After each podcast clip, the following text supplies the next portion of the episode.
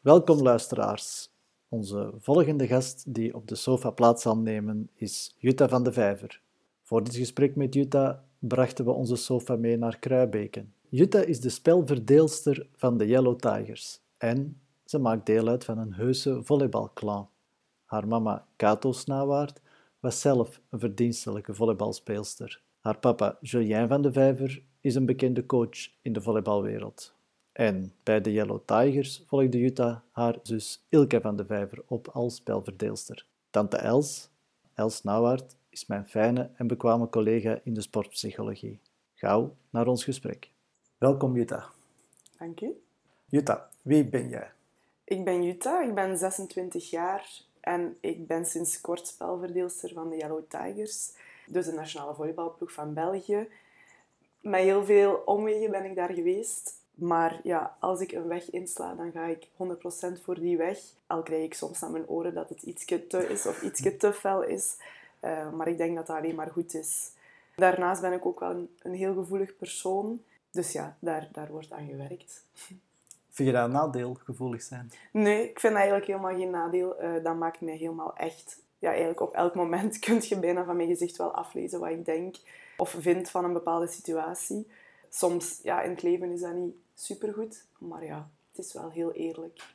Denk je niet dat die gevoeligheid ook juist van jou een goede sitter gemaakt heeft? Goh, ja, waarschijnlijk wel, anders zou ik niet staan waar ik nu sta.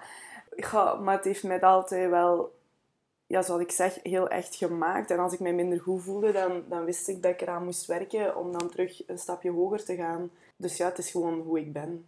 Je maakt deel uit van een volleybalclan, kan je wel zeggen. Was je pad dus voorbestemd? Had je eigenlijk wel een andere keuze, denk je? Goh, um, volleybal is ons met de paplepel in de mond meegegeven. Nog tot op de dag vandaag, uh, van vandaag word ik uh, met verhalen geconfronteerd dat wij in de volleybalkar zaten als baby of kind. Uh, bijvoorbeeld het slapen in de cafetaria met twee stoelen tegen elkaar. dus we werden echt wel overal meegepakt. Maar onze ouders hebben ons altijd wel, ja, en ik praat in ons, want het is wel mijn zus als ik, ja, de keuze gelaten om ook andere sporten te doen. Uh, we hebben ook ja, getennist, gedanst, uh, atletiek gedaan. En op een bepaald moment moest ik de keuze maken tussen tennis en volleybal. In tennis hadden ze ook gezegd dat ik echt goed ging worden, of zou worden. Dat was een moeilijke keuze, maar als kind was ik mentaal nog niet sterk genoeg om een individuele sport te doen als ik een fout maakte, dan kon ik wel eens door het dolle heen gaan. En in een ploegsport ja, was dat iets, iets minder hard. En ja, heel, heel de ploegsfeer daarnaast was echt wel iets dat mij heel fel aantrok. En toch ben ik dus ja, in het volleybalwereldje gebleven, eh, zoals heel mijn gezin. Dus je bent ook ooit door het fameuze detectiesysteem van Tennis Vlaanderen opgemerkt Nee, dat, ah. dat net niet. Het was in de club hier. Het was wel iemand, denk ik, die bij Tennis Vlaanderen werkte. Ja, die tegen mijn mama toen had gezegd van, die heeft echt wel potentieel met volleybalbewegingen en tennisbewegingen van, qua zijwaartse verplaatsing en balinschatting is wel vrij gelijkaardig. Ja, en daar, dat is wel een van mijn sterke punten. Uh, dus ja, ik moet daar niet springen. Dus dat minder puntje van in de volleybal uh, ja, was niet slecht voor in de tennis. Uh, maar ja, kijk, ik heb een andere beslissing gemaakt. Dus voilà. Heb je dan altijd gedroomd om voor de Yellow Tigers te spelen? Eerlijk? Graag. Eigenlijk niet. Ik herinner mij nog ja, verschillende gesprekken tussen ons. En dat jij ook tegen mij zei van... Jutta, je gaat een café uitbaten in de Overpoort. En, uh, en daar je job van maken. Dus wilt maar zeggen van waar ik kom. Ehm, ik heb vooral heel graag volleybal gespeeld. Allee, of ik speel heel graag volleybal, ik zal het zo zeggen. En ja, ik volgde een weg waar dat altijd een splitsing was, waar ik een keuze moest maken. En ja, die keuze heeft mij uiteindelijk geleid naar ja, de top in België en uiteindelijk een, een kans in de nationale ploeg. Ja, en die heb ik dan toch ja, met mijn beide handen proberen grijpen. Het was denk ik twee jaar, of een, ja, het zal twee jaar geleden zijn, dat ik de eerste keer eigenlijk aan mijn osteopaat zei van kom, ik wil eigenlijk wel spelen in die nationale ploeg. Dat jij van je stoel viel, dat je dat hebt gezegd. Maar ja, die droom is, is eigenlijk gewoon gegroeid met, met de weg dat ik heb afgelegd.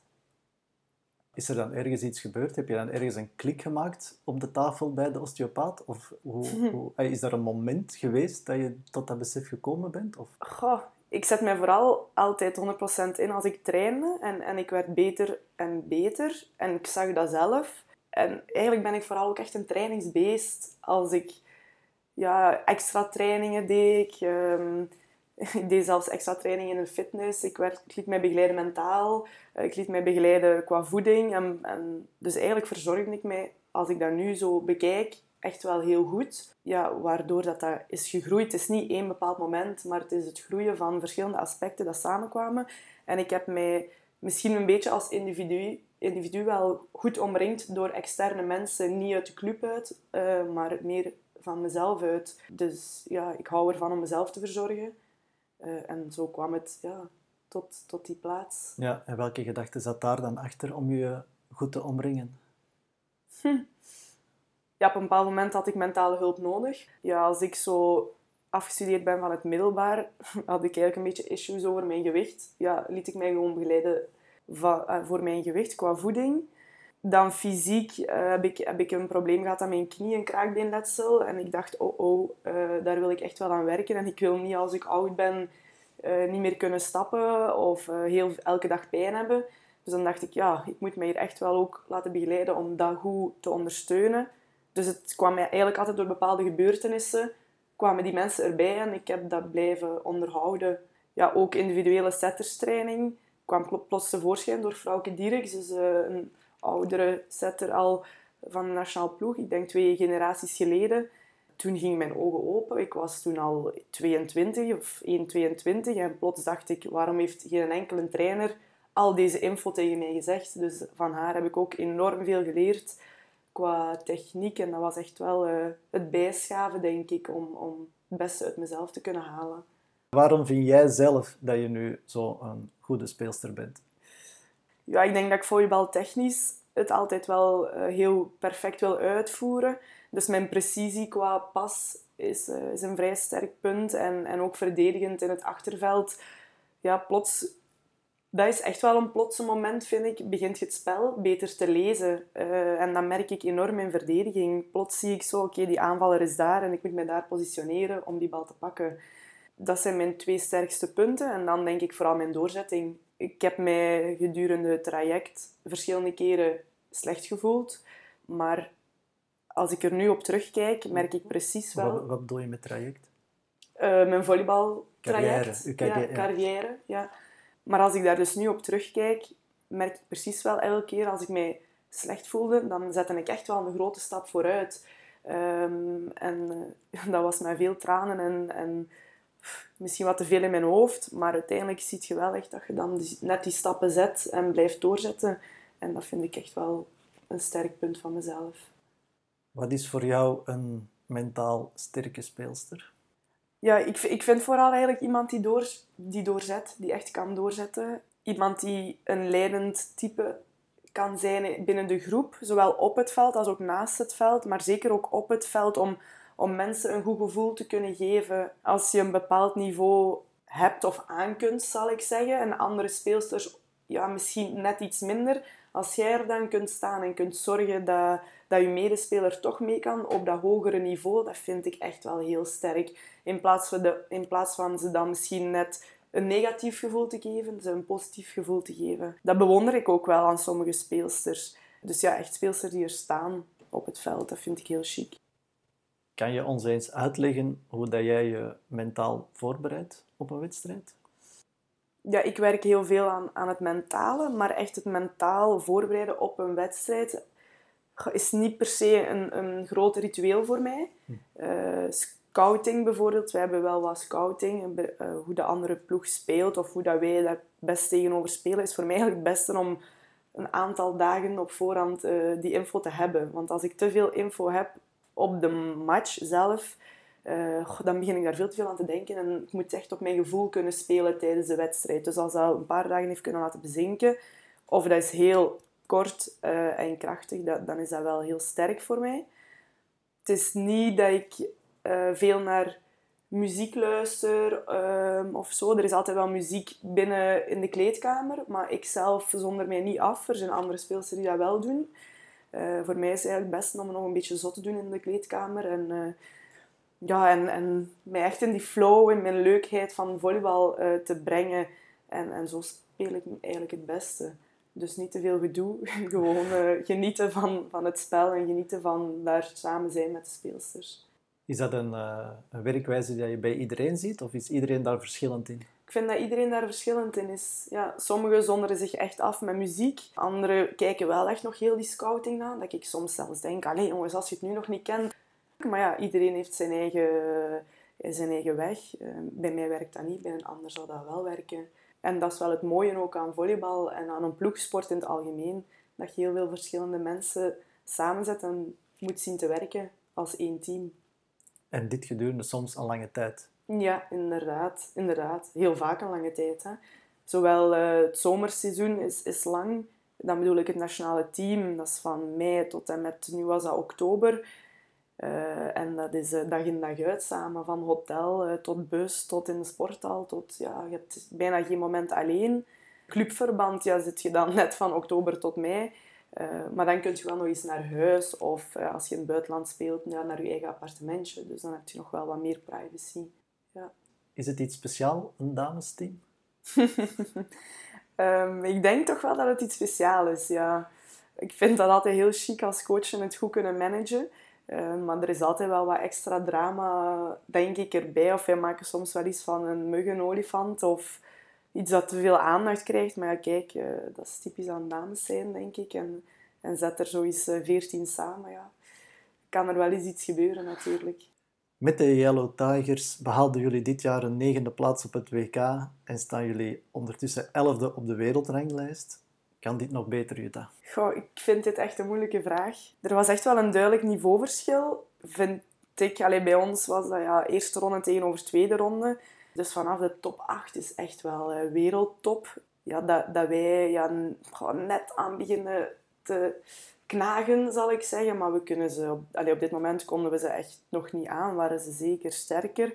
Nu, wij hebben een super goede eerste ronde gespeeld en dat heeft ons eigenlijk gebracht tot die negende plaats. Want het verschil tussen 9 en 12 ja, hangt af van ook de andere poelen en hun uitslagen. Uh, dus ik ga niet zeggen, voor hetzelfde geld konden we twaalfde eindigen. Um, het is dankzij onze supergoeie eerste ronde dat we negende zijn kunnen eindigen. Ja, kunnen we hoger? Ik denk eerlijk gezegd dat dat moeilijk is. Uh, maar hetzelfde proberen evenaren, ja, daar moet België echt wel voor gaan.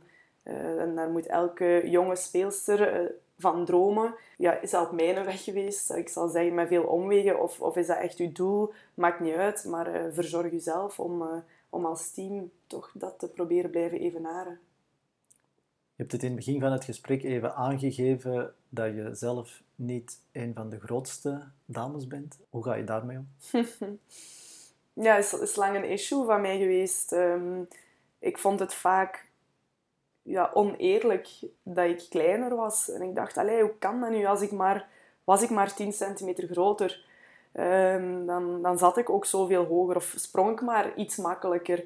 Ja, maar uiteindelijk kan ik daar niks aan veranderen. En dus ja, dan heb ik dat moeten compenseren met uh, eh, 100% of meerdere procent uh, hard werken, mezelf verzorgen en, en zo verder. Ja, ik probeer echt wel het maximale uit mijn kleinere lichaam dan te halen. En ja, als je dan een ploeg hebt, zoals nu bijvoorbeeld bij de Yellow Tigers, organiseren wij ons daar ook echt wel op. Als ik vooraan sta, ja, dat de verdediging, de beste verdedigers achter mij staan en dat daar een dubbele dekking staat.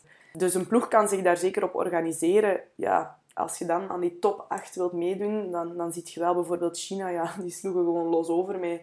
En als ik dan eens een, een blokduel win tegen een van twee meter en ik was mega gelukkig en ik dacht gewoon duwen, springen en duwen. Maar ja, als die mevrouw daar goed gefocust staat, dan duwt hij mij gewoon omver. Dus uh, zo realistisch ben ik ook wel. Uh, maar ik moet het dan maar op andere vlakken supergoed doen om, om dat te compenseren. Zijn de Japanners ook niet klein? Ja, ja, ja. In de Volley Nations League, dat was onze eerste toernooi deze zomer. Uh, ik weet nog dat ik na de match zei tegen onze assistentcoach van... Uh, oh yes, ik kon eindelijk nog eens een bal raken in blok. dus ja, vind ik een heel leuk spel. En, en ik kijk ook wel veel naar hun spel, omdat ze heel veel verdedigen, uh, supergoeie opslag hebben en heel snel spelen. Dus ja, ik probeer mezelf daar wel wat in te zien en daar gewoon veel van te leren en, en op hun, ja, hun vlakken mee te kunnen. Utah, Japan. Ja. onlangs, onlangs vroeg er mij iemand, aan een fotograaf hier in Kruijbeke, en die vroeg mij, ja, als je nu echt eens een land zou mogen kiezen waar je zou mogen spelen, maar gewoon los van alles. En ik zei echt, ja, Japan. Allee, ik zou daar heel graag spelen, maar ja, zij investeerde eerder in net grotere speelsters, hè, in plaats van in kleinere speelsters, dat ze daar al hebben rondlopen. Maar dat zou ik echt wel uniek vinden. Zowel ook voor de cultuur, eh, de architectuur, als, uh, als voor het volleybal. Misschien wordt het niet Japan, maar heb je nog een andere buitenlandse ploeg in gedachten? Als kind of jongere, als ik niet dacht, eh, toen ik nog niet dacht van ja, de Yellow Tigers is iets voor mij, dan dacht ik misschien wel Parijs. Uh, niet zo ver van huis, mooie stad, uh, leuke cultuur. Uh, ik dacht misschien is dat wel mijn hoogst haalbare. zou ik nu nog een stap naar buitenland zetten? Wie weet, ik heb er vorig jaar even, eventjes over getwijfeld. Allee, heb ik ook wel een aantal gesprekken gedaan met een, met een management. Mm, maar voor mij is het, is het altijd een heel moeilijke afweging tussen ja, het gewone leven of het, het andere leven naast volleybal en het volleyballeven. Ik haal graag alles uit volleybal, maar dat leven daarnaast, dat triggert mij toch ook wel enorm en daar wil ik mij ook wel in blijven ontwikkelen. Dus dat is altijd mijn, mijn moeilijke vraagstelling geweest. Komt dan nog dat buitenland? Uh, gaan we dit jaar weer herbekijken als, als het moment er is uh, om, om eventueel van club te veranderen. Uh, momenteel is het Charleroi. Het is, het is ook iets anders dan ik afgelopen seizoenen heb gehad in Asterix. En, en, en ook heel, ja, heel leuk en waar ik iets veel bij bijleer. Weer een andere werking van een coach die andere ja, punten legt om, om bij te leren. Uh, dus ik, momenteel ben ik daar ook heel tevreden. Wat zijn dan die andere interesses die dat je nog hebt buiten volleybal? Ja, vrij veel eigenlijk. Ik ben opgeleid als interieurarchitect, dus uh, mijn diploma interieurarchitect heb ik te pakken gekregen. Iedereen denkt altijd dat ze maar een, interieur inrichten, maar eigenlijk was dat zeer kunstzinnig. En ik heb dat ook altijd wel opgezocht. Als we een plan moesten uittekenen, eh, zie ik nog altijd heel veel mensen dat dat gewoon 2D op een papier deden. Ik zorgde dat dat 3D was en dat dat samen, echt samen met mijn uh, ontwerp paste.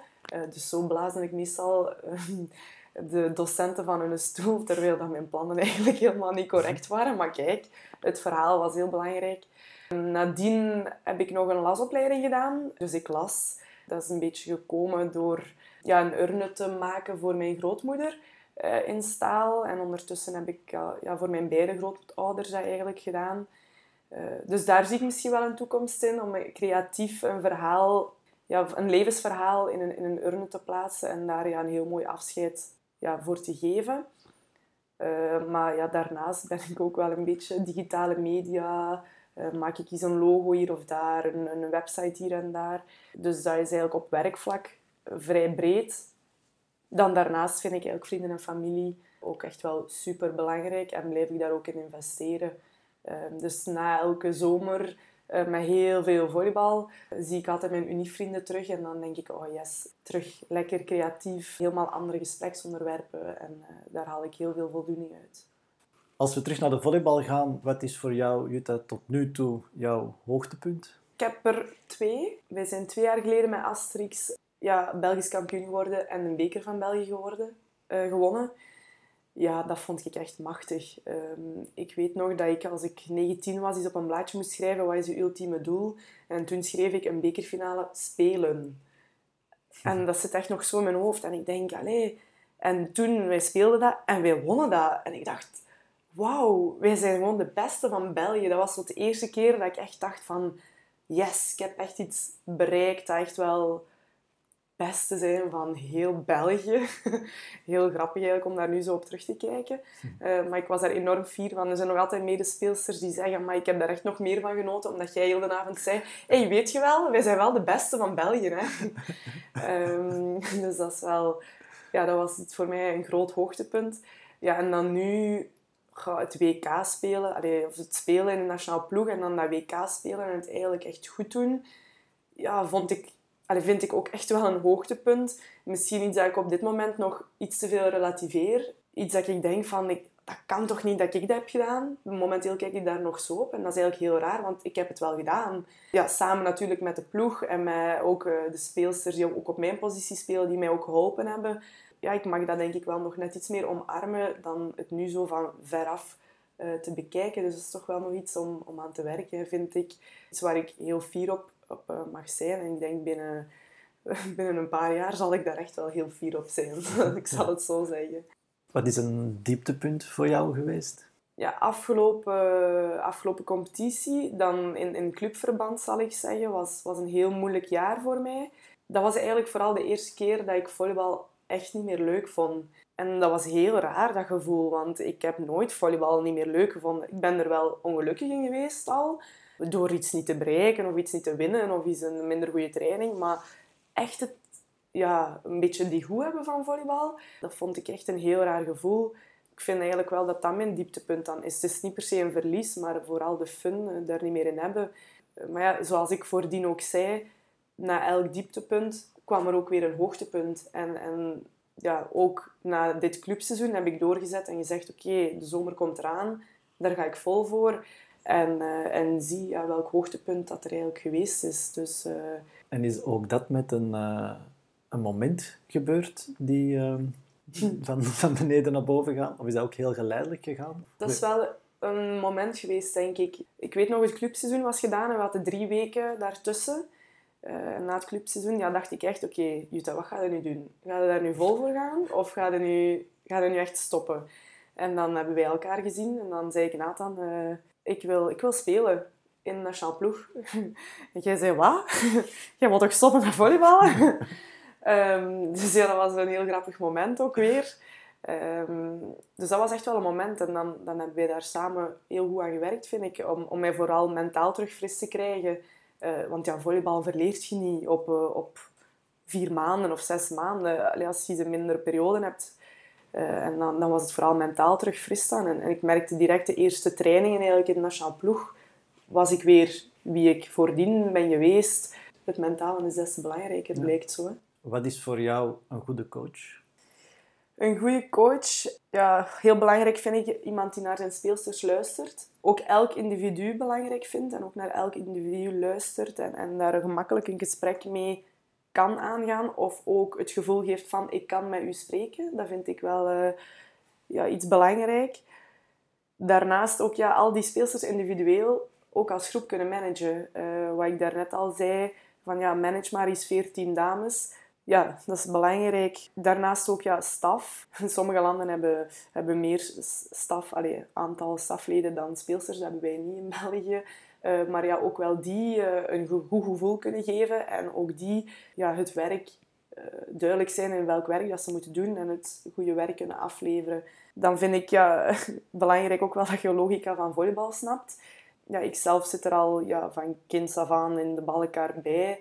Dus ik denk wel dat ik al wel wat van volleybal ken. En als ik soms dan trainers of coaches bezig zie, dan snap ik gewoon niet soms van waar dat die zaken halen. Dan denk ik ook, oké, okay, dat open-minded, proberen te bekijken. En daar haalde dan ook wel weer iets uit hoor, uit een heel ander zicht. Of misschien voor u een heel onlogica iets. Dan een technische vaardigheid. Dat vind ik ook altijd wel iets om, om heel hard op te werken, want volleybal is echt wel een technische sport. Dus daar voldoende aandacht aan besteden. En ja, ik was ook altijd iemand die daar het, misschien het uiterste ja, uithaalde om het perfecte technische te doen. En dan ja, het laatste vind ik ja, een tactisch duidelijk plan overbrengen naar een groep. En dat dan ook die groep daar echt in gelooft om perfect, allez, perfect of vrij perfect dat plan uit te voeren. En daar vind ik wel dat we in het nationaal team heel sterk in zijn. We hebben een, een heel goed tactisch plan. Uh, en, en heel de groep gelooft daar zo in. En heel de groep voert dat gewoon uit. En dat maakt België, die misschien ja, iets kleiner zijn in land, uh, en ja, tegenover bijvoorbeeld Rusland, of, ja, die, die, die, hebben nu niet meegedaan, maar pakt, ja, Italië is echt een, een volleyballand, een topland, ja, dat we daar toch mee kunnen meespelen, met toch wel minder kwaliteiten eigenlijk. Dus ja, ik vind dat mijn lijst van een goede coach is, is vrij lang. Uh, dus ik denk dat weinig coaches misschien aan gans die lijst kunnen voldoen. Dan moet je maar als groep ook kunnen compenseren en als individu ermee kunnen samenwerken. Ja. Zie je jezelf later in een uh, coachende rol? Als kind allee, of jongeren heb ik altijd gezegd van nee, allee, ik ga volleybal doen tot mijn top. Ik heb zelfs gezegd tot ik studeer, tot en met dat ik studeerde. Maar kijk, uh, mijn weg is iets langer, is iets verder aan het gaan. En dan stop ik ermee en ga ik vol voor het leven daarnaast en aan al mijn interesses daarnaast.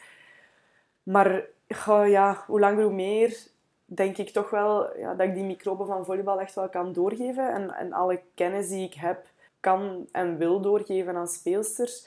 Ik heb vorig jaar een klein groepje gehad, U17 meisjes. En, en dan deed me dat wel enorm veel om hen te zien groeien.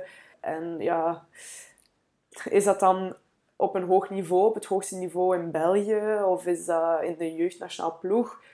Dat weet ik allemaal niet. Maar ja, mijn ouders hebben alle twee wel een organisatie van volleybalkampen. En, en dat overnemen, dat is al een mooie stap één, denk ik. En, en daar zie ik mij zeker in verder gaan. En dat is ook zowel fun als, als volleybal.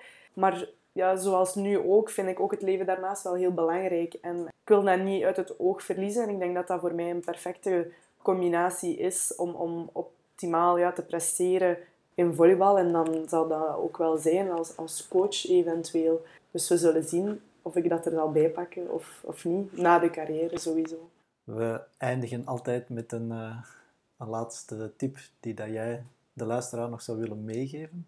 Ja, doe het vooral met heel veel plezier uh, en blijf het vanuit je hart doen. De sport of, of wat dan ook dat je in je leven doet, ja, dat vind ik eigenlijk vooral het belangrijkste. En, en daar had ik het zo moeilijk mee afgelopen jaren. Van ik deed het echt niet meer met plezier en niet meer uit mijn hart. Uh, dus daarom wil ik ook gewoon allez, stoppen. Doe, doe het met plezier. En als je het doet, doe het 100%. Veel succes nog, Jutta. En bedankt voor dit gesprek. Dankjewel, Nathan.